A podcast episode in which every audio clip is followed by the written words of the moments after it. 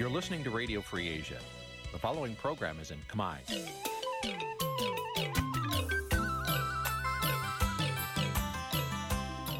នេះជាកម្មវិធីផ្សាយ Vuthu Azizi Serai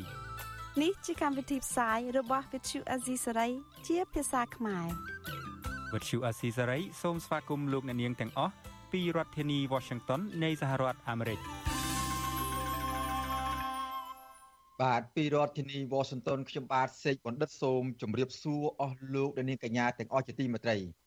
បាទយើងខ្ញុំសូមជូនកម្មវិធីផ្សាយសម្រាប់បរិយាត្រីថ្ងៃសៅរ៍11កើតខែមិគសេឆ្នាំថោះបញ្ញស័កពុទ្ធសករាជ2567ត្រូវនៅថ្ងៃទី23ខែធ្នូគ្រិស្តសករាជ2023បាទជាដំបូងនេះសូមអញ្ជើញអស់លោកអ្នកនាងស្ដាប់ព័ត៌មានប្រចាំថ្ងៃដែលមានមេតិការដូចតទៅ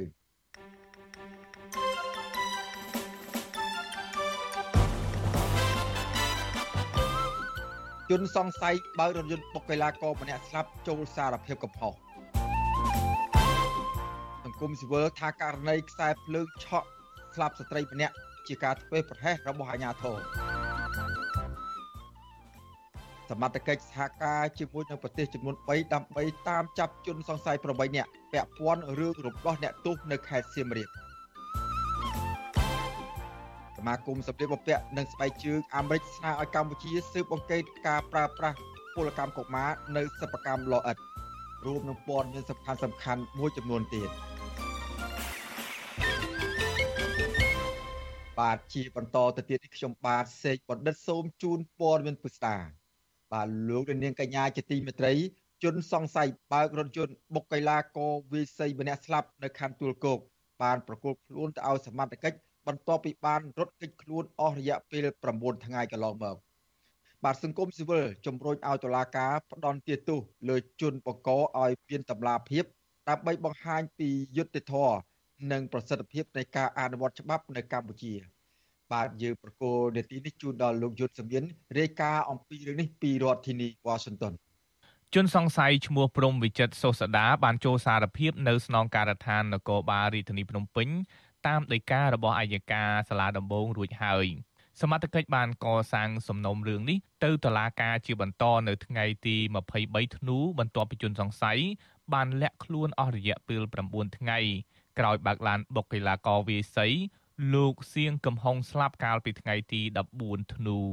ការចូលសារភាពនេះធ្វើឡើងបន្ទាប់ពីមានការដាក់បញ្ជាពីលោកនាយករដ្ឋមន្ត្រីហ៊ុនម៉ាណែត និងស្ថាប័នក្រសួងយុតិធធបន្ទាប់ពីមានការរិះគន់ពីប្រជាពលរដ្ឋរឿងអយុត្តិធម៌ក្នុងសង្គមវិទ្យុអាស៊ីសេរីមិនអាចតាក់ទងអគ្គស្នងការរងនិងជាស្នងការនគរបាលរាជធានីភ្នំពេញលោកជួនណារិនដើម្បីសុំការបកស្រាយបានទេនៅថ្ងៃទី23ធ្នូប៉ុន្តែលោកជួននរិនបានប្រាប់សារព័ត៌មានរបស់រដ្ឋាភិបាលថាអ្នកបើករថយន្តឈ្មោះព្រំវិចិត្រសុសដានិងគ្រួសារបានចូលខ្លួនមកកាន់ស្នងការដ្ឋាននគរបាលរាជធានីភ្នំពេញ ដើម្បីទទួលស្គាល់កំហុសរបស់ខ្លួនតាមផ្លូវច្បាប់ពាក់ព័ន្ធទៅនឹងរឿងនេះដែរប្រពន្ធជនរងគ្រោះគឺលោកស្រីក្រួយឈិនឡាំងបានបដិសេធមិនផ្ដល់ប័ណ្ណសម្ភារនោះទេដោយលោកស្រីអះអាងថាកំពុងកាន់ទុក្ខកាលពីយប់ថ្ងៃទី14ធ្នូមានករណីគ្រោះថ្នាក់ចរាចរណ៍មួយដែលបង្កឡើងដោយកូនប្រុសរបស់មេធាវីព្រំវិចិត្រសុភា គឺលោកព្រំវិចិត្រសុស្ដាដែលបានបើកឡានទំនើបប្រណាំងជាមួយឡានទំនើបផ្សេងទៀត រួចក៏ជ្រុលទៅបុកលោកសៀងកំហុងនៅសង្កាត់បឹងកក់2បណ្ដាលឲ្យស្លាប់លោកសៀងកំហុងគឺជាកីឡាករវាយសីដែលបានឈ្នះមេដាយមាសនៅក្នុងព្រឹត្តិការណ៍ SEA Games ដែលកម្ពុជាធ្វើជាម្ចាស់ផ្ទះលើកដំបូងកាលពីខែឧសភាឆ្នាំ2023ក្រោយបង្កគ្រោះថ្នាក់ចរាចរណ៍រួចឪពុកជនបង្កបានគម្រាមកំហែងនិងព្យាយាមផ្ដល់លុយ1000ដុល្លារឲ្យគ្រួសារជនរងគ្រោះក្នុងពិធីបុណ្យសពដើម្បីដកពាក្យបណ្ដឹង តកតទៅទៅនឹងរឿងនេះប្រធានអង្គការសម្ព័ន្ធការពារសិទ្ធិមនុស្សកម្ពុជាលោករស់សុថាជំរុញឲ្យអាជ្ញាធរចាត់វិធានការច្បាប់ឲ្យបានមើងម៉ាត់ក្នុងករណីនេះព្រោះវាជាបទល្មើសជាក់ស្ដែងបណ្ដាលឲ្យមានមនុស្សស្លាប់បើអានេះតាមបទល្មើសជាក់ស្ដែងអាហ្នឹងគឺសមត្ថកិច្ចនាំខ្លួនទៅត្បូង បាទនាំខ្លួនទៅតាមបានច្បាប់ដើម្បីចាត់ការទៅតាមផ្លូវច្បាប់អាចចាត់គុំខ្លួនរស់សនហើយឡើងតុលាការបាទជួបទៅតុលាការដើម្បីឲ្យតុលាការចេញសេចក្តីសម្រេចបាទឥឡូវយើងមិនហ៊ានចោតប្រកាន់តែមិនទេប៉ុន្តែវាជាពេលវេលាមួយដែលជនបង្កហ្នឹងអាចរកវិធីផ្សេងផ្សេងក្នុងការដោះស្រាយបញ្ហាហ្នឹងឬក៏ត្រៀមគំនិតយ៉ាងម៉េចយ៉ាងម៉េចនឹងផ្លូវច្បាប់បាទសង្គមស៊ីវិលជំរុញឲ្យអាជ្ញាធរគួរអនុវត្តច្បាប់ឲ្យបានពេញលេញ ដល់អ្នកប្រព្រឹត្តខុសនៅក្នុងច្បាប់ចរាចរណ៍ដើម្បីឲ្យប្រជាពលរដ្ឋមានទំនុកចិត្តនិងឲ្យអ្នកបើកបរមានការប្រុងប្រយ័ត្នខ្ញុំយុនសាមៀនវັດឈូអាស៊ីសេរីប្រធានាធិបតី Washington បាទលោកនាងកញ្ញាជាទីមេត្រីនៅពេលបន្តិចទៀតនេះយើងនឹងអញ្ជើញមន្ត្រីសិទ្ធិមនុស្សដើម្បីផ្ដល់បទសម្ភាសនិងការយល់ឃើញរបស់ពួកគាត់ថាតើករណីជនរងគ្រោះចូលមកសារភាពក្រោយ អាជ្ញាធររដ្ឋាភិបាលប្រកាសស្វែងរកចាប់ខ្លួនយ៉ាងដូចនេះហើយនឹងការស្វែងរកយុត្តិធម៌ជុំវិញករណីចរាគ្រោះថ្នាក់ចរាចរណ៍ករណីបុកឲ្យរត់នេះតើនឹងមានវិធានការកាត់ទោសឬមួយក៏ផ្ដល់យុត្តិធម៌ដោយតម្លាភាពយ៉ាងណាទៅដល់ជនរងគ្រោះសូមអញ្ជើញអស់លោកនាងរងចាំស្ដាប់បទសម្ភាសន៍នេះនៅពេលបន្តិចទៀតនេះកុំបីខាន បាទសូមអរគុណកម្មវិធី Vithu Azizi ស្រីសម្រាប់ទូរស័ព្ទដៃអាចឲ្យលោកអ្នកនាង អានអត្ថបទទ ស្សនាវីដេអូនិងស្ដាប់ការផ្សាយផ្ទាល់ដោយឥតគិតថ្លៃនិងដោយគ្មានការរំខានដើម្បីអាននិងទស្សនាមេតិការថ្មីថ្មីពី Vithu Azisari លោកអ្នកនាងគ្រាន់តែចុចបាល់កម្មវិធីរបស់ Vithu Azisari ដែលបានដំឡើងរួចរាល់លើទូរស័ព្ទដៃរបស់លោកអ្នកនាង ប្រសិនបើលោកអ្នកនាងចង់ស្ដាប់ការផ្សាយផ្ទាល់ឬការផ្សាយចាស់ចាស់សូមចុចលើប៊ូតុងរូប Vithu ដែលស្ថិតនៅផ្នែកខាងក្រោមនៃកម្មវិធីជាការស្រេច។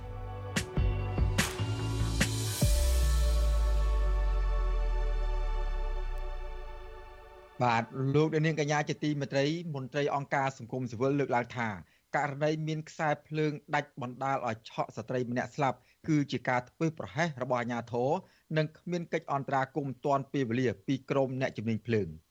បាទអ្នកជំនាញអកិសនីថាបញ្ហានេះគឺជារឿងដ៏គ្រោះថ្នាក់នៅពេលដែលខ្សែភ្លើងដាច់ធ្លាក់នៅតាមដងផ្លូវប៉ុន្តែបែរជាអាជ្ញាធរមិនបានដាក់ស្លាកសញ្ញាឲ្យប្រជាពលរដ្ឋប្រុងប្រយ័ត្ននោះ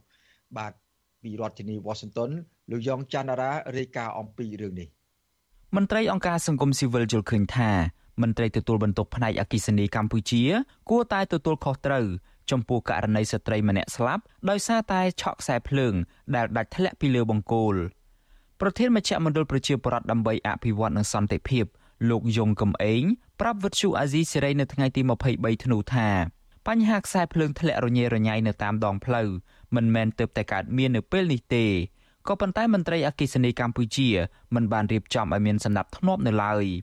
លោកបន្តថាអាញាធរពពាន់គួរតែចាត់វិធានការឲ្យបានជាក់លាក់ទៅលើបញ្ហាខ្សែភ្លើងដាច់បណ្ដាលឲ្យមនុស្សស្លាប់នេះហើយប្រសិនបើមន្ត្រីអគិសនីកម្ពុជា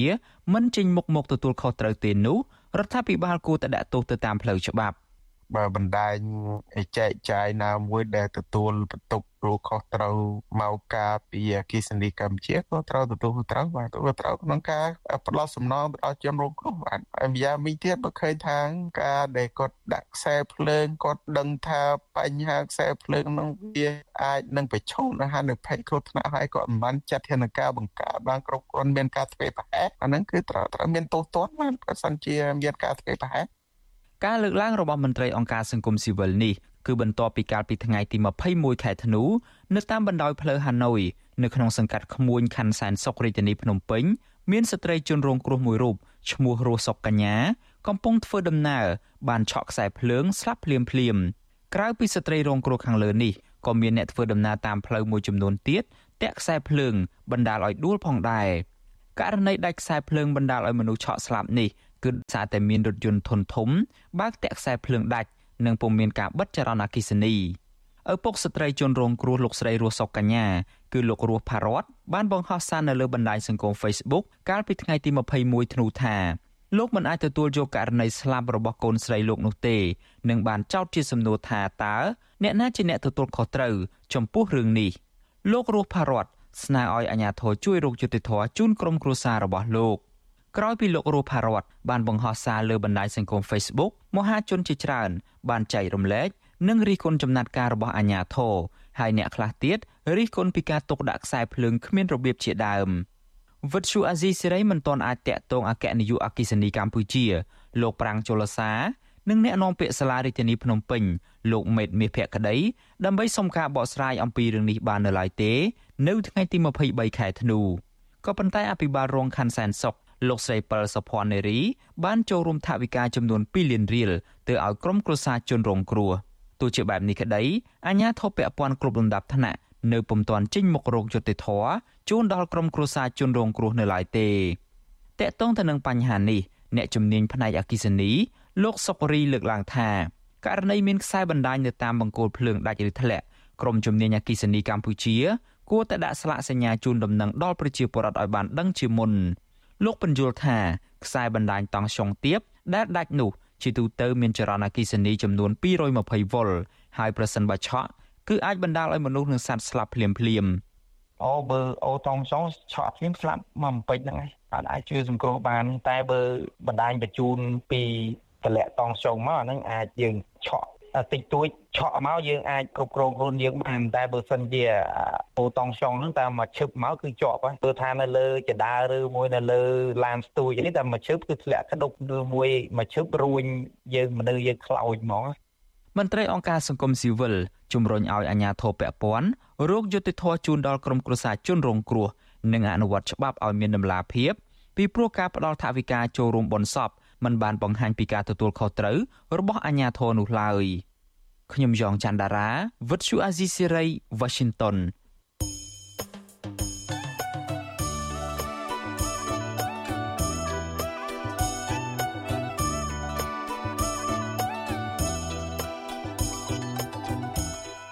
បាទលោកនាងកញ្ញាជាទីមេត្រីលោកនាងកំពុងតាមដានស្ដាប់ការផ្សាយរបស់វិទ្យុអស៊ីសេរីពីរដ្ឋធានីវ៉ាស៊ីនតោនសហរដ្ឋអាមេរិក បាទទន្ទឹមគ្នានឹងការស្ដាប់ការផ្សាយរបស់វិទ្យុអស៊ីសេរីតាមរយៈបណ្ដាញសង្គមមាន Facebook YouTube និងប្រព័ន្ធ Telegram នោះក៏លោកនាងអាចស្ដាប់ការផ្សាយរបស់យើងខ្ញុំតាមរយៈវិទ្យុរលកធាតុអាកាសខ្លីឬ Shortwave បានដែរបាទដោយពេលព្រឹកចាប់ពីម៉ោង5កន្លះដល់ម៉ោង6កន្លះតាមរយៈប៉ុស SW 93.90 MHz ស្មើនឹងកម្ពស់ 32m និងប៉ុស SW 11.85 MHz ស្មើនឹងកម្ពស់ 25m បាទហើយនៅពេលយប់ចាប់ពីម៉ោង7កន្លះដល់ម៉ោង8កន្លះតាមរយៈប៉ុស SW 93.30 MHz ស្មើនឹងកម្ពស់ 32m ប៉ុស SW 11.83 MHz ស្មើនឹងកម្ពស់ 25m និងប៉ុស SW 15.15 MHz ស្មើនឹងកម្ពស់ 20m បាទសូមអរគុណ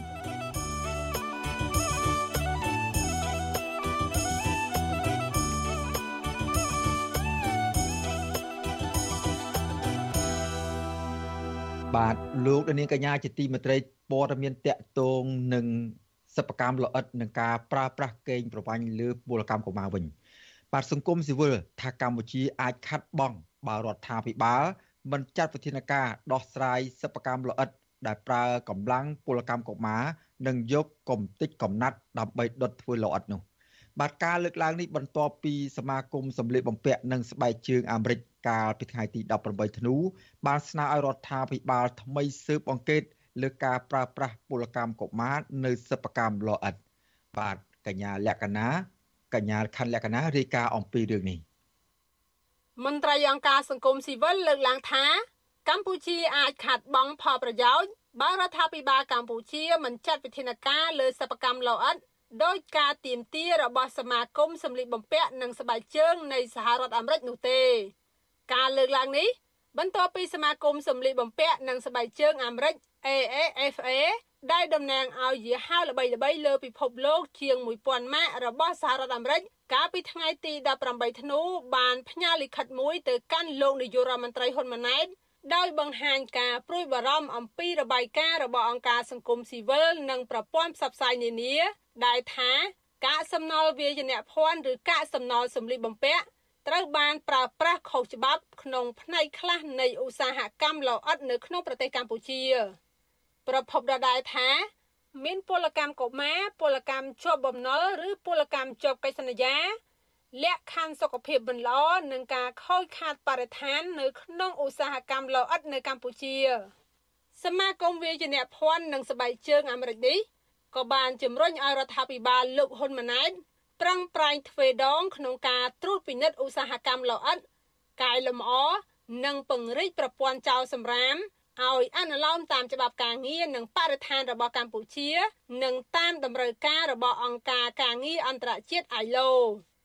លើសពីនេះទៀតរដ្ឋាភិបាលកម្ពុជាត្រូវធានាដោះលែងកម្មករជាប់កិច្ចសន្យាព្រមទាំងផ្ទេរកម្មករកុមារពីឧស្សាហកម្មលោអិតទៅសាលារៀនវិញឲ្យបានសមស្រប នាយកទទួលបន្ទុកកិច្ចការទូតនៃអង្គការលីកាដូលោកអមសមាតប្រាវិសុអស៊ីសេរីនៅថ្ងៃទី23ធ្នូថា ការស្នើសុំលក្ខខណ្ឌទាំងនេះมันបានចំណេញអ្វីដល់សមាគមវិជ្ជាភ័ណ្ឌនិងស្បែកជើងអាមេរិកនោះទេផ្ទុយទៅវិញ ជាការជួយការពារកុមារពលកម្មកុមាររួមទាំងបរិស្ថានអនាម័យ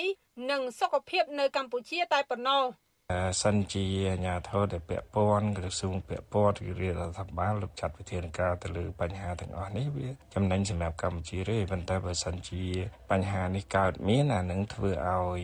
សមាគមកាត់ដេរដែលគេនាំសម្លៀកបំពាក់ចេញទេគេនឹងពិចារណាទៅលើបញ្ហាទាំងអស់នឹងទៀតណាហើយយើងជាប្រជាពលរដ្ឋកម្ពុជាយ៉ាងណាក៏ដោយមិនចង់ឲ្យកម្ពុជាមានការខាតបង់ទេបាទវិទ្យុអស៊ីសេរី មិនអាចសុំការថាធិប្បាយបញ្ហានេះពីអ្នកនាំពាក្យនាយករដ្ឋមន្ត្រីលោកមាសសុភ័ណ្ឌ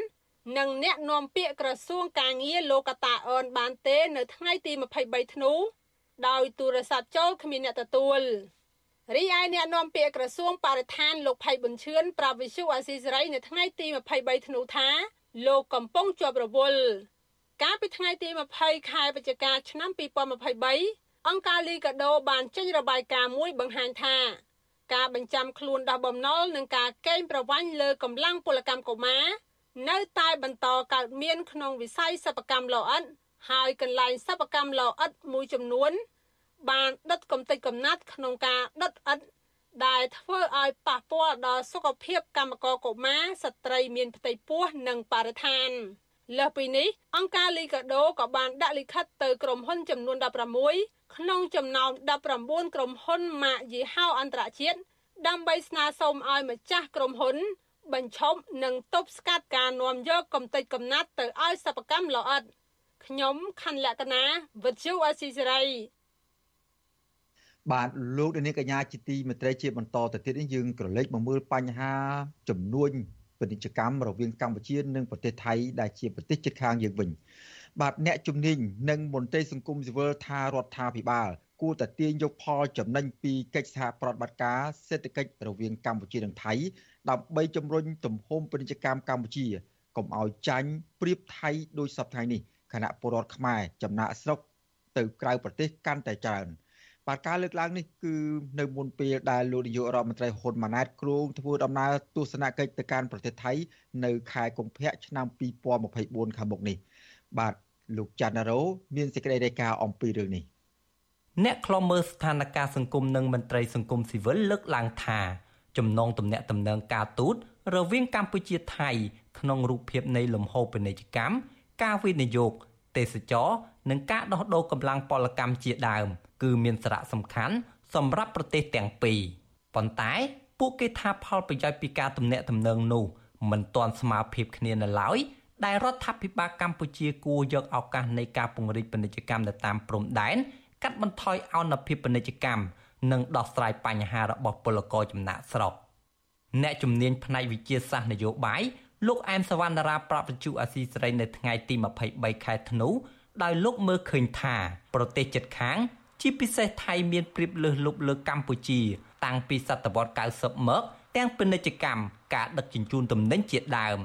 លោកយល់ថាលោកនាយករដ្ឋមន្ត្រីហ៊ុនម៉ាណែតគួរយកដំណើរទស្សនកិច្ចរបស់លោក ទៅប្រទេសថៃនៅដើមឆ្នាំក្រោយនេះតាក់ទាញអ្នកវិនិយោគថៃ និងទេសចរឲ្យបានច្រើនជាងបច្ចុប្បន្នទើបកម្ពុជាទទួលបានផលចំណេញពីកិច្ចសហប្រតិបត្តិការនៃប្រទេសទាំងពីរទន្ទឹមនឹងនេះលោកអែមសវណ្ណរាប្រាប់ទៅរដ្ឋាភិបាលកម្ពុជាចាំបាច់ត្រូវតែពង្រឹងសេដ្ឋកិច្ចឲ្យបានរឹងមាំថែមទៀតតាមរយៈការបណ្ដុះបណ្ដាលធនធានមនុស្ស ការពង្រឹងផលិតកម្មផ្គត់ផ្គង់តម្រូវការក្នុងស្រុកនិងនាំចេញដោយជៀសវាងពឹងផ្អែកលើទំនិញប្រទេសជិតខាងទាំងស្រុង។យ៉ាងថាតែការផ្លាស់ប្ដូរទំហំបរិយាកម្មជាកិច្ចការល្អហើយយើងសូមលើកទឹកចិត្តក៏ប៉ុន្តែគួរតែភាគីកម្ពុជាខ្លួនឯងរៀបចំពង្រឹងយន្តការហេដ្ឋារចនាសម្ព័ន្ធគេហៅថាសេដ្ឋកិច្ចខ្លួនឯងទៅទើបយើងអាចកិច្ចសហប្រតិបត្តិការជាមួយទ្វេភាគីឬក៏ភូភាគីកម្ពុជាអាចបានអត្ថប្រយោជន៍ច្រើន ការលើកឡើងនេះមុនពេលលោកនាយករដ្ឋមន្ត្រីហ៊ុនម៉ាណែតទៅបំពេញទស្សនកិច្ចនៅទីក្រុងបាងកកប្រទេសថៃ នៅខែកុម្ភៈឆ្នាំ2024ដើម្បីជជែកអំពីកិច្ចសហប្រតិបត្តិការទ្វេភាគី ជាពិសេសពាណិជ្ជកម្មនៅតាមព្រំដែនរវាងកម្ពុជានិងថៃនាយករដ្ឋមន្ត្រីថៃ លោកសេដ្ឋាថាវិសិនបានប្រាប់ប្រព័ន្ធផ្សព្វផ្សាយក្នុងស្រុកថៃ កាលពីថ្ងៃទី18ខែធ្នូអំពីដំណើរទស្សនកិច្ចរបស់មេដឹកនាំកម្ពុជា បន្ទាប់ពីមេដឹកនាំទាំងពីរបានជួបគ្នាក្នុងអំឡុងកិច្ចប្រជុំកម្ពុជាជប៉ុនអាស៊ាន នៅទីក្រុងតូក្យូ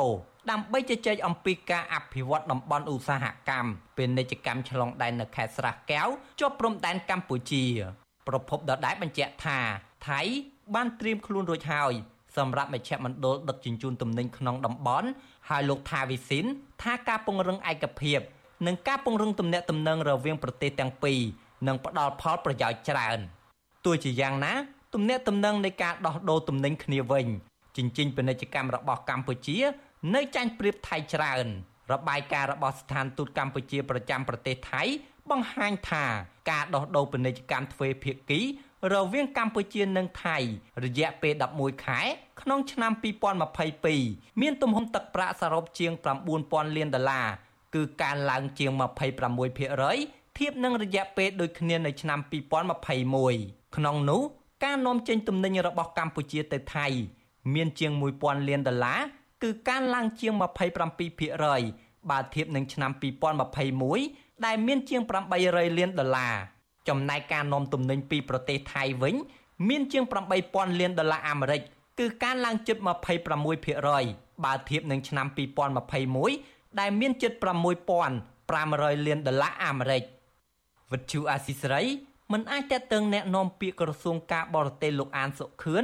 និងប្រធានអង្គភិបแนะនាំពាក្យរដ្ឋាភិបាលលោកប៉ែនបូណាដើម្បីអត្ថាធិប្បាយជុំវិញបញ្ហានេះបានទេ នៅថ្ងៃទី23ខែធ្នូតេតិនរឿងនេះដែរមន្ត្រីគម្រោងនៃមជ្ឈមណ្ឌលសម្ព័ន្ធភាពការងារនិងសិទ្ធិមនុស្សរបស់អង្គការសង្ត្រាល់លោកលឹងសុផុនលើកឡើងថាពលករខ្មែរភៀសច្រើន នៅតែប្រឈមបញ្ហាលំបាកដែលធ្វើឲ្យពួកគេបង្ខំចិត្តធ្វើការខុសច្បាប់ ហើយត្រូវថៅកែថៃកេងប្រវ័ញ្ចកម្លាំងពលកម្មដោយគ្មានអាជ្ញាធរជួយដោះស្រាយឲ្យមានប្រសិទ្ធភាពឡើយ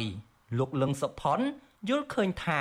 ការដែលរដ្ឋាភិបាលប្រទេសទាំងពីរជជែករឿងទំនាក់ទំនងពាណិជ្ជកម្មនៅពេលខាងមុខនេះជារឿងល្អដែរតែប្រសិនបើរដ្ឋាភិបាលកម្ពុជាពិតជាគិតគូរអំពីសុខទុក្ខរបស់ពលករខ្មែរគួរតែជំរុញរដ្ឋាភិបាលថៃឲ្យជួយអន្តរាគមន៍បញ្ចុះតម្លៃធ្វើបានការងារ គោរពសិទ្ធិការងារដើម្បីកាត់បន្ថយផលប៉ះពាល់នានាដល់ពលករឃើញថាគាត់លំបាកវេទនាហើយដោយសារតែខាងថៃគេបន្តឹងអញ្ចឹងណាហើយរឿងគាត់លុកដូរគឺប្រកបមុខរបរផ្សេងផ្សេងដូចជាអ្នកអូអតេសតាមច្រកព្រំដែនមួយមួយហ្នឹងគួរណាតែយកមកនិយាយដើម្បីដោះស្រាយដើម្បីឲ្យខាងថៃហ្នឹងគេបានជួយសម្របសម្រួលយើងបាទរបាយការណ៍ក្រសួងការងារបង្ហាញថាមកដល់ពេលនេះ ពលករកម្ពុជាកំពុងធ្វើការនៅក្រៅប្រទេសជាង1លាន3សែននាក់ក្នុងនោះនៅប្រទេសថៃមានជាង1លាន2សែននាក់និងប្រទេសកូរ៉េខាងត្បូងមានជិត50000នាក់ប៉ុន្តែអង្គការសង្គមស៊ីវិលផ្នែកការពារសិទ្ធិកម្មករវិញ បង្ហាញថាចំនួនពលករកម្ពុជានៅក្រៅប្រទេសអាចមានទៅដល់ជាង2លាននាក់ដោយរាប់ទាំងពលករស្របច្បាប់ និងមិនស្របច្បាប់ អ្នកខ្លំមើល និងមន្ត្រីសង្គមស៊ីវិលមើលឃើញថាសកម្មភាពសេដ្ឋកិច្ចរវាងកម្ពុជានិងថៃនឹងកើនឡើងជាលំដាប់ក៏ប៉ុន្តែ កម្ពុជាមានលទ្ធភាពកាត់បន្ថយអនុភាពពាណិជ្ជកម្មរបស់ខ្លួនបាន គឺអាស្រ័យលើការខិតខំប្រឹងប្រែងរបស់រដ្ឋាភិបាល ក្នុងការកែលម្អចំណុចខ្វះខាតដូចជាការកសាងធនធានមនុស្សការបង្កើនផលិតភាពសម្រាប់ផ្គត់ផ្គង់ក្នុងស្រុក និងនាំចេញជាពិសេសដោះស្រាយបញ្ហាប្រជាធិបតេយ្យ ការគោរពសិទ្ធិមនុស្សដែលជាមូលដ្ឋានសំខាន់ដើម្បីទទួលបានប្រព័ន្ធអនុគ្រោះពន្ធនាំចេញទំនិញនិងទំនាក់ទំនងពាណិជ្ជកម្មល្អជាមួយប្រទេសលោកសេរីខ្ញុំបាទច័ន្ទដារោវិទ្យុអាស៊ីសេរីបាទលោកនាងកញ្ញាជាទីមេត្រីសេចក្តីរាយការណ៍របស់យើងជាបន្តទៀតនេះយើងមកតាមដានបច្ចុប្បន្នភាពដែលពាក់ព័ន្ធនឹងអាជ្ញាធរស្វែងរកតាមចាប់ក្រុមអ ுக ្រិតជនដែលរំដោះអ្នកទោសនៅខេត្តសៀមរាបកាលពីពេលកន្លងទៅ បាទមន្ត្រីនគរបាលជាតិអះអាងថាកម្ពុជាកំពុងសហការជាមួយនឹងប្រទេសចំនួន3គឺវៀតណាមថៃនិងឡាវដើម្បីតាមចាប់មនុស្សយ៉ាងហោចណាស់8នាក់ដែលសង្ស័យថាជាប់ពាក់ព័ន្ធនឹងការរំដោះអ្នកទោសនៅខេត្តសៀមរាបកាលពីខែសីហាកន្លងទៅ បាទមន្ត្រីសិទ្ធិមនុស្សរិះគន់ថាការយឺតយ៉ាវតាមចាប់ជនល្មើសដែលប្រព្រឹត្តបទឧក្រិដ្ឋឆ្លុះបញ្ចាំងពីអំពើកង្វះ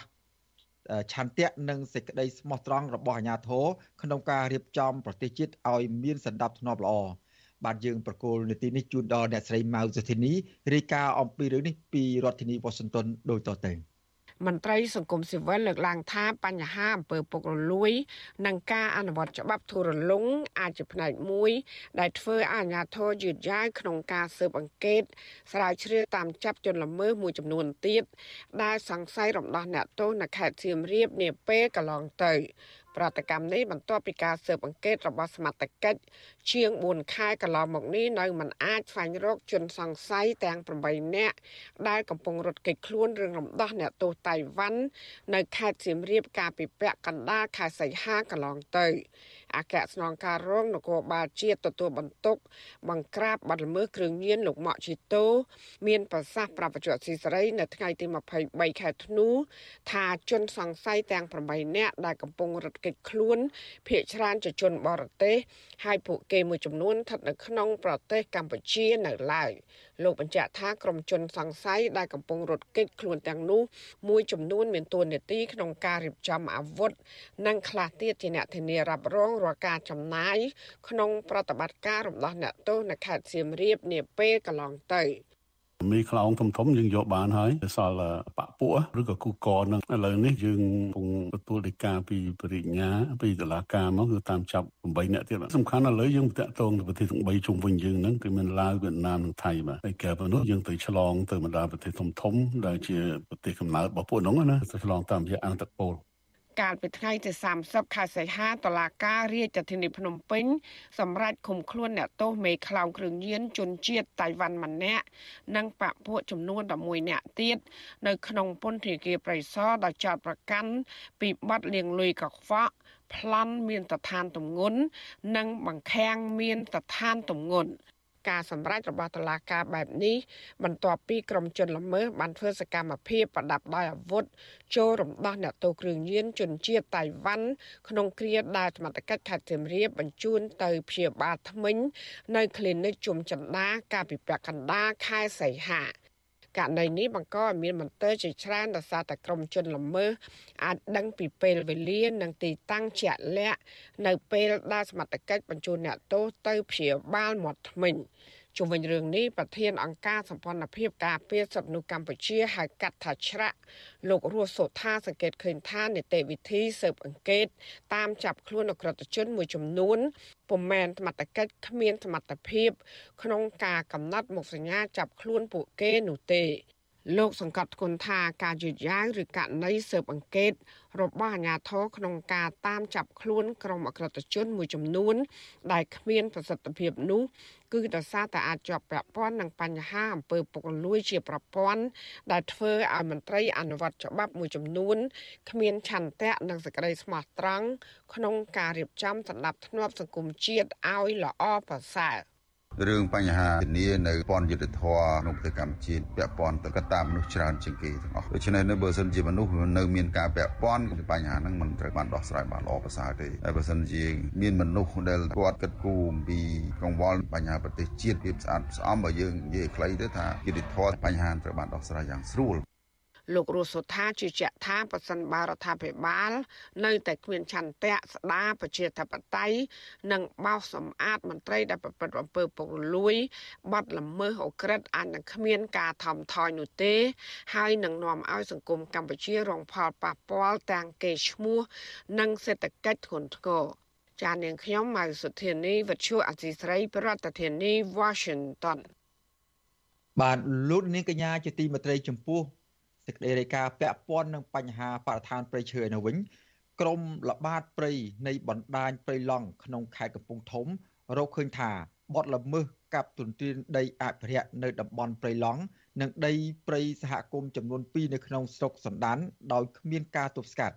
បាត់ដីព្រៃជាច្រើនហិកតានៅតំបន់ទាំងនោះកំពុងរងការកាប់ទុនទានយកធ្វើជាកម្មសិទ្ធិឯកជនដោយគ្មានការចុះបង្ក្រាបពីសំណាក់អាជ្ញាធរនោះឡើយ។ បាទសូមទស្សនាសេចក្តីរាយការណ៍របស់លោកនៅវណ្ណរិនអំពីរឿងនេះពីរដ្ឋធានី Washington ប្រជាសហគមន៍ព្រៃឡង់បន្តរកឃើញឧក្រិដ្ឋកម្មកាប់ឈើថ្មីថ្មីជាច្រើនករណីនៅតំបន់ព្រៃឡង់ក្នុងពេលដែលពួកគាត់ប្រមាណ30នាក់ចុះល្បាតព្រៃរយៈពេល2យប់3ថ្ងៃចាប់តាំងពីថ្ងៃទី16ដល់ថ្ងៃទី18ខែធ្នូប្រជាសហគមន៍ថាពួកគេ ធ្លាប់បានដាក់ពាក្យបណ្ដឹងដល់រដ្ឋបាលព្រៃឈើនិងមន្ទីរកសិកម្មរុក្ខាប្រមាញ់និងនេសាទខេត្តកំពង់ធំជាច្រើនដង តែគ្មានដំណោះស្រាយនោះឡើយយើងឃើញថាលទ្ធផលនៃការកាប់រៀនដីព្រៃនេះគឺអត់មានការថយក្រោយទេដូចថ្មីថ្មីនេះកងរាជអាវុធហត្ថលើផ្ទៃប្រទេសបានចូលទៅមើលជាមួយនឹងក្រមការងាររបស់របស់បរិស្ថានបានន័យថាគាត់រកឃើញ200ករណីជាងនៃការកាប់រៀនដីព្រៃហើយ ការអាចជ្រៀកឈើគឺវាមានករណីជាច្រើនទៀតប៉ុន្តែ សម្រាប់ខ្ញុំផ្ទាល់ខ្ញុំហ៊ាននិយាយថាការរកឃើញរបស់ PM របស់បកឋាន គឺវាតិចតួចទេមិនមែនដូចលទ្ធផលជាក់ស្ដែងឬក៏ទិន្នន័យជាក់ស្ដែងដែលនៅក្នុងតំបន់ព្រៃឡង់ទាំង4ខេត្តវាកើតឡើងគឺបានន័យថាវាទ្វេជា2ដង ក្រៅពីតំបន់ព្រៃឡង់ប្រជាសហគមន៍ក៏រកឃើញបទល្មើសកាប់ទន្ទ្រានព្រៃឈើថ្មីថ្មីលើដីព្រៃទំហំជាង40ហិកតា នៅក្នុងតំបន់ព្រៃសហគមន៍អូដាស្កូស្ថិតនៅក្នុងឃុំមានរិទ្ធខេត្តកំពង់ធំ ពួកគេថាបទល្មើសទាំងនេះប៉ះពាល់ដល់ដែនជម្រកសត្វព្រៃនិងព្រៃអភិរក្សមួយនេះក្រសួងបរិស្ថានបានដាក់ដែនអភិរក្សនេះជាតំបន់លក់កាបោនហៅថាគម្រោងរ៉េតបូកតាមខ្ញុំគិតថា បទល្មើសនៅក្នុងទីនេះប្រហែលជាតាមប្រជាពលរដ្ឋដឹងឮថាតកែគេអាចមានមន្ត្រីរាជការធំធំរបស់គេមិនមែន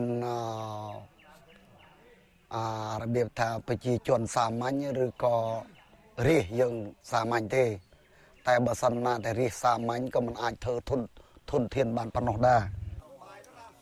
រីឯនៅតំបន់ព្រៃសហគមន៍ក្បាលអូធ្នងឃុំដងកំបិតឯណោះវិញ សហគមន៍អះអាងថាផ្ទៃដីជិត3000ហិកតាក៏ត្រូវបានជន់ល្មើសជាអ្នកមានលុយមានអំណាចនិងពលរដ្ឋមកពីតំបន់ផ្សេងផ្សេងកັບទន្ទ្រានអស់ជាង50ទៅ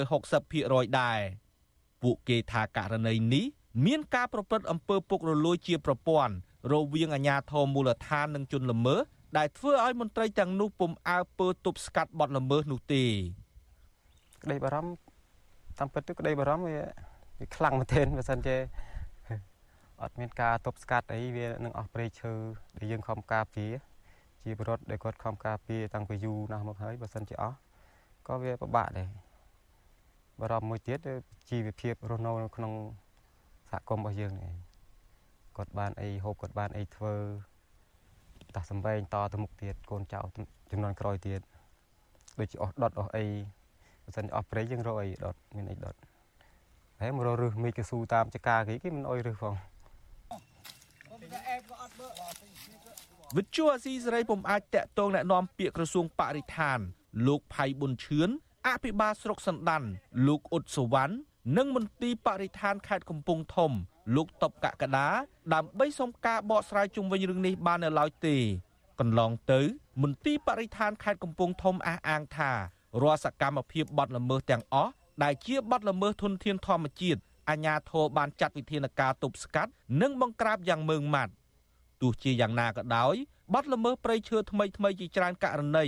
នៅតែកើតមានឡើងដដែល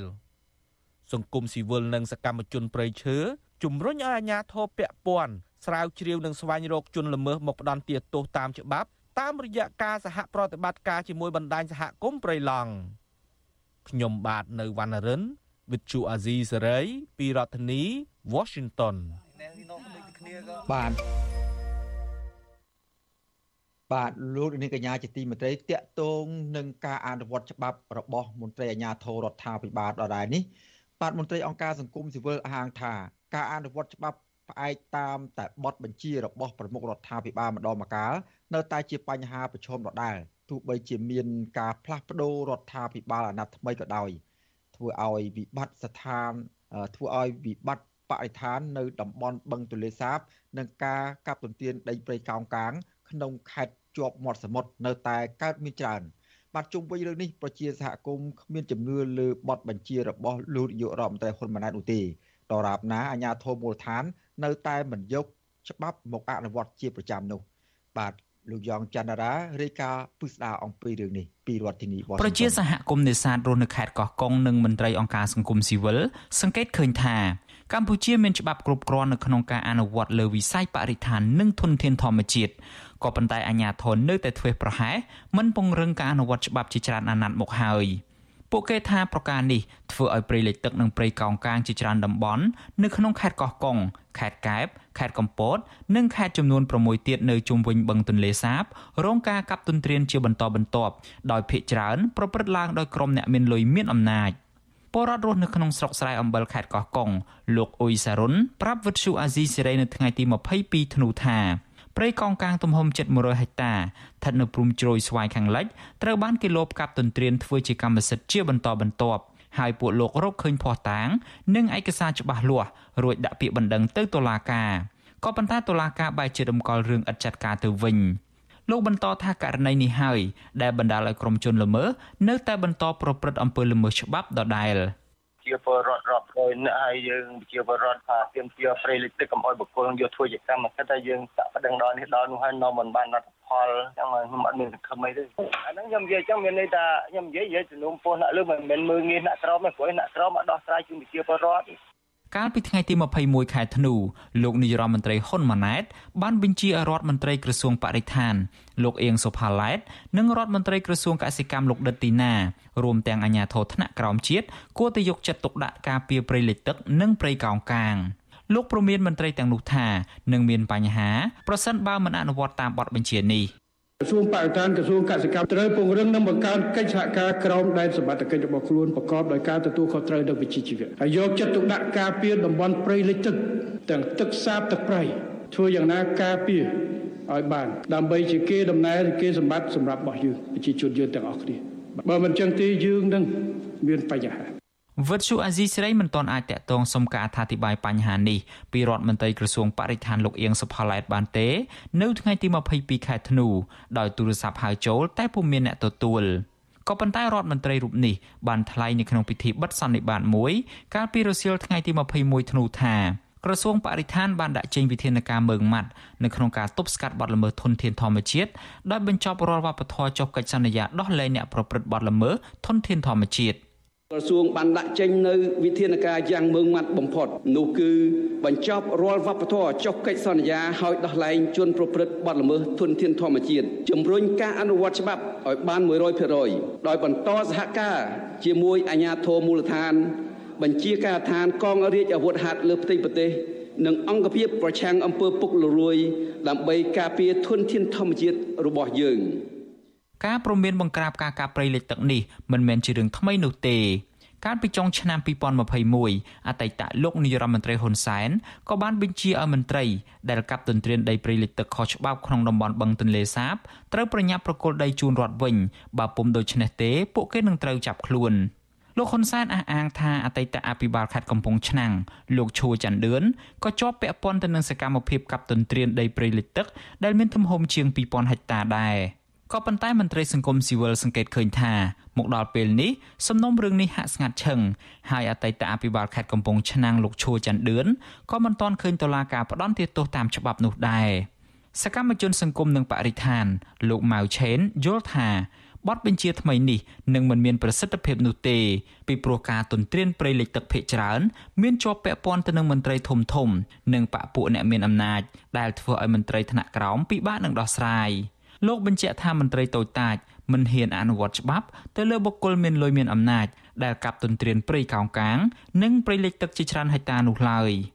ព្រៃលិចទឹកនៅតំបន់ទន្លេសាបបឹងទន្លេសាបអីនេះគឺតែងតែរងនៅការទន្ទ្រានពីសំណាក់មន្ត្រីអ្នកមានអំណាចហើយអ្នកមានលុយអីចឹងទៅហើយមានខ្សែមានខ្នងចឹងទៀតអរិតតែមិនហ៊ានប្រក្រាបទៅទៀតសម្រាប់មន្ត្រីតូចតូចតកតងទៅនឹងរឿងនេះដែរ មន្ត្រីសម្របសម្រួលគម្រោងនៃសមាគមបណ្ដាញយុវជនកម្ពុជា លោកអូតឡាទីនសង្កេតឃើញថាការដែលមន្ត្រីអនុវត្តទៅតាមតែបទបញ្ជាមិនអនុវត្តច្បាប់ជាប្រចាំនឹងធ្វើឲ្យរដ្ឋាភិបាលបរាជ័យនៅក្នុងការគ្រប់គ្រងធនធានធម្មជាតិនៅអាណត្តិថ្មីនេះដូចគ្នាទៅនឹងរដ្ឋាភិបាលអាណត្តិមុនមុនដែរប្រឹងប្រែងធ្វើកិច្ចការងារតាមទួលនីតិការប្រឹងប្រែងអនុវត្តច្បាប់ដែលមានស្រាប់ ហើយគោរពតាមបទបញ្ជាដែលពាក្យពន់មួយចំនួនវាគឺជាវិធានការឬក៏ជាចំណាត់ការល្អប៉ុន្តែបើសិនជាដាក់វិធានការឲ្យយើងស្ទើរទៅលើការអនុវត្តច្បាប់យើងមិនធានាថាការការពារទុនធានធម្មជាតិការគ្រប់គ្រងតំបន់ឆ្នេរការគ្រប់គ្រងតំបន់តាមបឹងទន្លេសាបនឹងបានជោគជ័យនឹងទេបាទ អ្នកធ្វើការផ្នែកបរិស្ថានឲ្យដឹងថាការកាប់បំផ្លាញព្រៃលិចទឹកគឺជាមូលហេតុមួយដែលបណ្ដាលឲ្យដីនិងល្បាប់មួយភាគធំហូរចូលទៅក្នុងបឹងទន្លេសាប ដែលបណ្ដាលឲ្យគោករាក់អាចប៉ះពាល់ទៅដល់កន្លែងស្តុកទឹកនៅរដូវវស្សានិងប៉ះពាល់ដល់ធនធានព្រៃលិចទឹកដែលជាជំរកដ៏សំខាន់របស់ត្រីពងកូននិងជីវៈចម្រុះ។ កាលពីដើមឆ្នាំ2022រដ្ឋាភិបាលបានដកហូតដីព្រៃលិចទឹកទំហំ60000ហិកតា នៅជុំវិញបឹងទន្លេសាបយកមកទុកជាសម្បត្តិរបស់រដ្ឋវិញក្រោយពីចោះទប់ស្កាត់បទល្មើសព្រៃលិចទឹកនៅតាមខេត្តទាំង6រួចមកខ្ញុំយ៉ងច័ន្ទដារាវិទ្យុអាស៊ីសេរី Washington បាទលោកនាងកញ្ញាជាទីមេត្រីវិទ្យុអាស៊ីសេរីបានទទួលសំណូមពរពីអ្នកស្ដាប់និងទស្សនារបស់យើងច្រើនណាស់ ថាកុំឲ្យដាក់ចំណងជើងផ្ទុយពីខ្លឹមសារនៃព័ត៌មាន បាទឧទាហរណ៍ដូចជាដាក់ចំណងជើងថា Vivo ឲ្យលោកហ៊ុនសែនត្រូវតុលាការព្រហ្មទណ្ឌអន្តរជាតិ ICC យកទៅកាត់ទោសជាដើមក៏ប៉ុន្តែពេលចុចទៅស្ដាប់ទៅគឺមិនលឺនិយាយអំពីរឿងនេះសោះបាទយើងខ្ញុំសូមជម្រាបជូនថាការដាក់ចំណងជើងខុសពីខ្លឹមសារទាំងនេះ គឺជាការបោកប្រាស់របស់ក្រុមអ្នករកស៊ីតាម YouTube និង Facebook ដើម្បីរកលុយតែប៉ុណ្ណោះ ពួកគេលួចយកខ្លឹមសារនៃការផ្សាយរបស់វិទ្យុអស៊ីសេរីទៅកាត់តរួចបដូរចំណងជើងតាមរបៀបប្លែកប្លែកហួសហេតុខុសពីការពិត ក្នុងគោលបំណងតាក់ទាញចិត្តលោកអ្នកនាងកញ្ញាឲ្យទៅចុចស្ដាប់ឬទស្សនាដើម្បីបាន view ឬបានអ្នកចូលទស្សនាច្រើន បាទមានអ្នកចុចស្ដាប់កាន់តែច្រើន ពួកគេក៏កាន់តែរកប្រាក់បានច្រើនដែរបាទអាស៊ីសេរីមិនដែលដាក់ចំណងជើងខុសពីខ្លឹមសារនោះទេ លោកនាងកញ្ញាអាចចូលរួមទប់ស្កាត់ការបោកប្រាស់ទាំងនេះបាន ដោយឈប់ចុចស្ដាប់ឬទស្សនាការចុះផ្សាយណា ដែលដាក់ចំណងជើងខុសប្លែកគួរឲ្យសង្ស័យទាំងនេះជាពិសេសទៅទៀតនោះដើម្បីស្ដាប់ឬទស្សនាការផ្សាយរបស់វិទ្យុអស៊ីសេរីបាន សូមលោកនាងចូលទៅក្នុង Channel របស់វិទ្យុអស៊ីសេរីតែម្ដង ដែលមានអាសយដ្ឋាន www.youtube.com/rfa ខ្មែរបាទសូមអរគុណ បាទលោកនាងកញ្ញាជាទីមេត្រីដោយដែលបានសន្យាប្រាប់លោកនាងពីដើមការផ្សាយចឹងថាយើងនឹងអញ្ជើញមន្ត្រីសិទ្ធិមនុស្សដើម្បីឲ្យលោកបានបញ្ចេញនិងបង្ហាញអំពីទស្សនវិជ្ជាច្បាប់ពាក់ព័ន្ធនឹងគ្រោះថ្នាក់ចរាចរណ៍និងសិទ្ធិរបស់ជនរងគ្រោះនឹងការនឹងការទទួលបាននៅភាពយុត្តិធម៌ពីពីជនប្រព្រឹត្តនឹងបានឥឡូវនេះយើងបានអញ្ជើញលោកសឹងសានករណាដែលជាមន្ត្រីអ្នកណែនាំពាក្យនៃអង្គការអាត់ហុកដើម្បីលោក មកចូលរួមបកស្រាយអំពីបញ្ហានេះឥឡូវនេះខ្ញុំបាទឃើញលោកសឹងសែនករណាចូលមកក្នុងកម្មវិធីផ្សាយយើងហើយខ្ញុំបាទសូមជម្រាបសួរលោកសឹងសែនករណាពីចម្ងាយបាទបាទសូមជម្រាបសួរលោកសេចបណ្ឌិតហើយជម្រាបសួរប្រិយមិត្តដែលកំពុងតាមដានផងដែរបាទបាទលោកករណាដូចខ្ញុំបានខានជួបមុខលោកយូហើយមកដល់ពេលនេះទៅចិត្តផ្លាស់ចូលឆ្នាំថ្មីផងតើមានសុខទុក្ខយ៉ាងណាបាទបាទ មិនជាអ្វីទេលោកសេចបណ្ឌិតហើយជាធម្មតាទេយើងធ្វើកិច្ចការងារហ្នឹងហើយលោកសេចបណ្ឌិតយ៉ាងម៉េចដែរនៅខាងនោះវិញបាទបាទហ្នឹងហើយជាធម្មតាការសុខទុក្ខ ទីណាក៏ដោយនៅតែមានខ្លះក៏ប៉ុន្តែយើងនៅតែបន្តការងាររបស់យើងបន្តទៅមុខទៀតដើម្បីសង្គមជាតិនិងផ្សព្វផ្សាយព័ត៌មានជូនលោកអ្នកស្ដាប់ដែលកំពុងតាមដាននឹងរងចាំស្ដាប់ជារៀងរាល់ថ្ងៃពីវិទ្យុអសីស្រីនេះបាទបាទឥឡូវនេះដោយពេលវេលាយើងក៏មិនមានច្រើនប្រមាណដែរចង់ឲ្យលោកសឹងសាករណារៀបរាប់បន្តិចមើលមានការចាប់អារម្មណ៍យ៉ាងម៉េចចំពោះជនសង្ស័យដែលបុក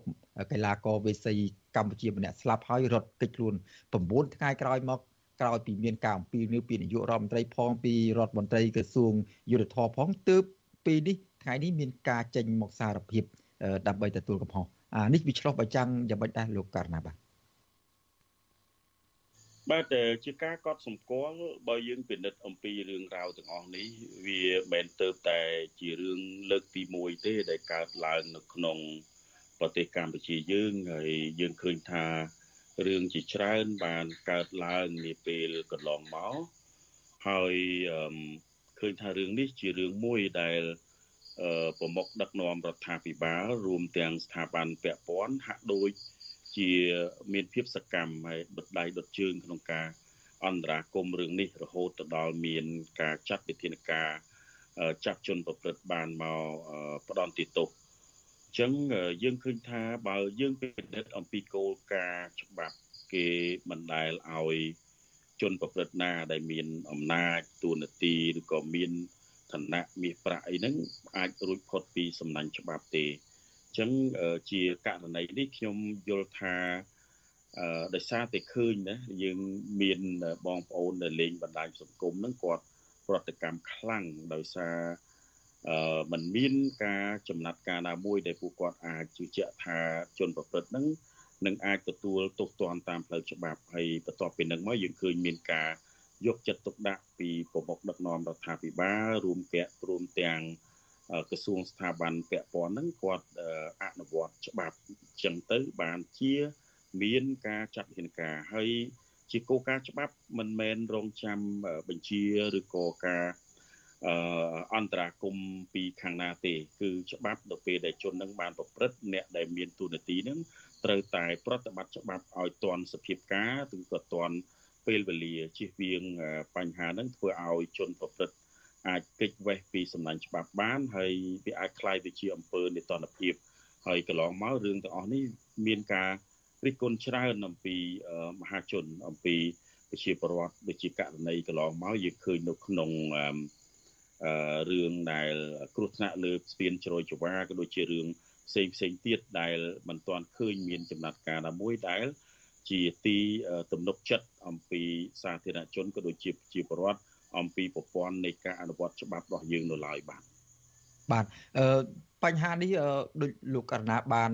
លើកឡើងមិញអញ្ចឹងថាសំខាន់ណាស់ចំពោះ ការចូលរួមមតិយោបល់ពីមហាជនពីប្រជាពលរដ្ឋដែលហៅថាពលរដ្ឋសកម្មនៅពេលដែលឃើញមានបទល្មើសណាមួយភាពអយុត្តិធម៌ក្នុងសង្គមណាមួយចូលរួមផ្ដល់ជាមតិជំរុញទៅដល់មេដឹកនាំឲ្យចាត់វិធានការបើគ្មានប្រជាពលរដ្ឋចូលរួមមតិយោបល់ទាំង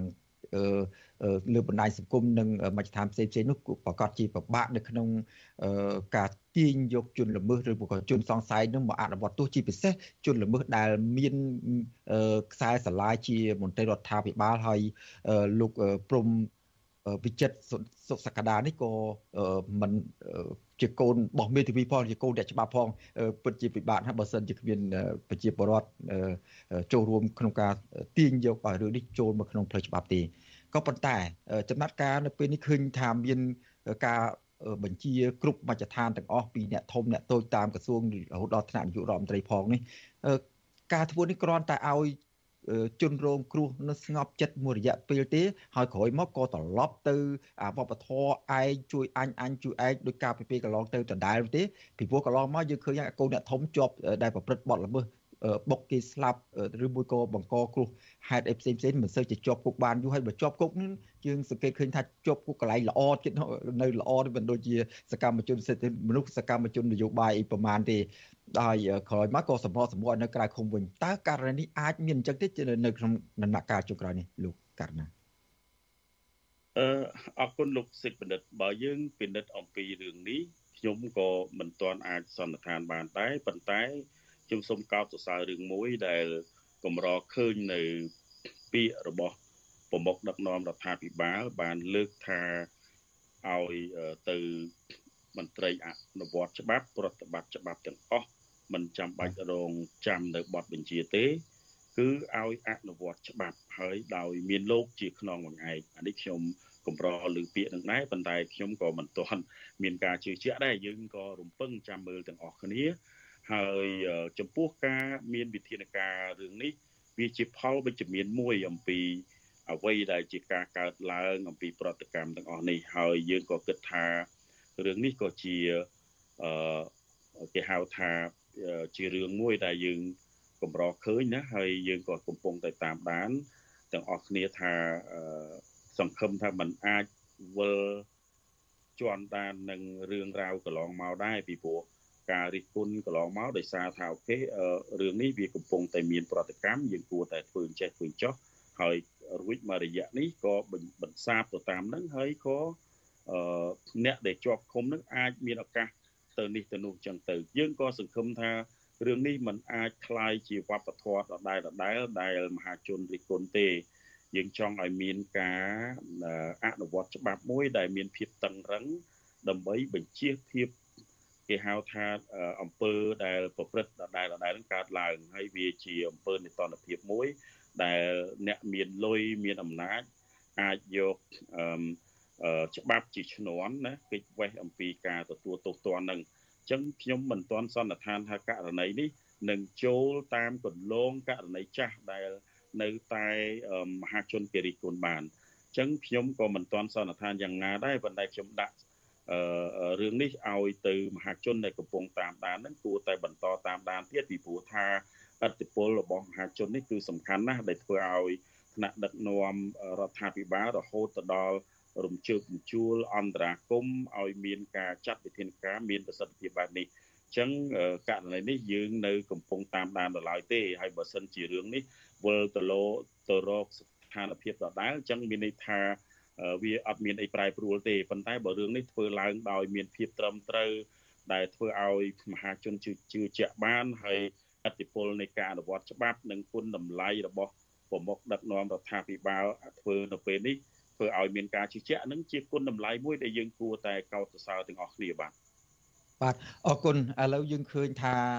របត់ថ្មីចិត្តចូលឆ្នាំថ្មីមកដល់ឆ្នាំសកលឆ្នាំ2024ហើយនាយករដ្ឋមន្ត្រីថ្មី ដែលបង្ហាញស្នាដៃថ្មីក្នុងការប្រកាសឲ្យតាមចាប់ជនល្មើសមកឲ្យមកទទួលខុសត្រូវចំពោះមុខច្បាប់នេះអឺអាករណីបុករត់នេះមិនក៏ប៉ុន្តែករណីបុករត់នេះមិនមែនជារឿងថ្មីទេអញ្ចឹងកន្លងមកនេះក៏មានរហូតដល់ទៅតំណាងរាស្ត្ររបស់គណៈបក ប្រជាជនកម្ពុជាផ្ទាល់តែម្ដងហ្នឹងកន្លងមកក៏មានករណីបុកឲ្យរត់មិនទទួលខុសត្រូវនេះដែរតើអា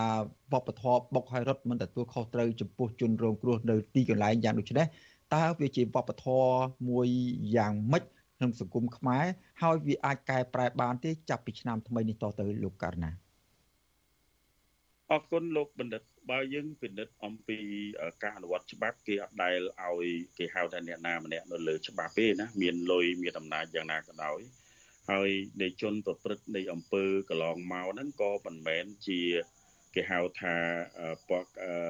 គោលការណ៍ប្រប្រតិសកម្មនៃច្បាប់ដែរអញ្ចឹងអ្នកទាំងអស់នោះប្រព្រឹត្តនៅក្នុងច្បាប់ដែលមានចែងអញ្ចឹងក្នុងកិច្ចអន្តរាគមន៍រឿងនេះវាជាភាពវិជ្ជមានមួយប៉ុន្តែក៏ទទូចឲ្យប្រមុខដឹក ប្រមុខដឹកនាំថ្មីនេះងាកត្រឡប់ទៅវិញដែរនៅជនដែលប្រព្រឹត្តដែលមានទូនាទីមានអំណាចទាំងអស់ហ្នឹងក៏គួរតែមិនត្រូវអាចគេហៅថារួចផុតអំពីការផ្ដន់ទាទោសតាមផ្លូវច្បាប់ដែរដើម្បីបញ្ជាក់ឃើញថាការធ្វើកំណែតម្រង់នឹងពិតជាមានប្រសិទ្ធភាពមែនมันអាចយោគយល់ទៅលើបុគ្គលណាមួយទេនៅក្នុងជួររដ្ឋាភិបាលក្តីនៅក្នុងជួរអ្នកដែលមានមាសប្រាក់ឬក៏ អតិពលទ្រព្យសម្បត្តិអីហ្នឹងក្តីគួរតែមានវិធានការបែបហ្នឹងហើយក្នុងនេះខ្ញុំគិតថាវាជារឿងល្អដែលឃើញការកែតម្រង់ហ្នឹងប៉ុន្តែ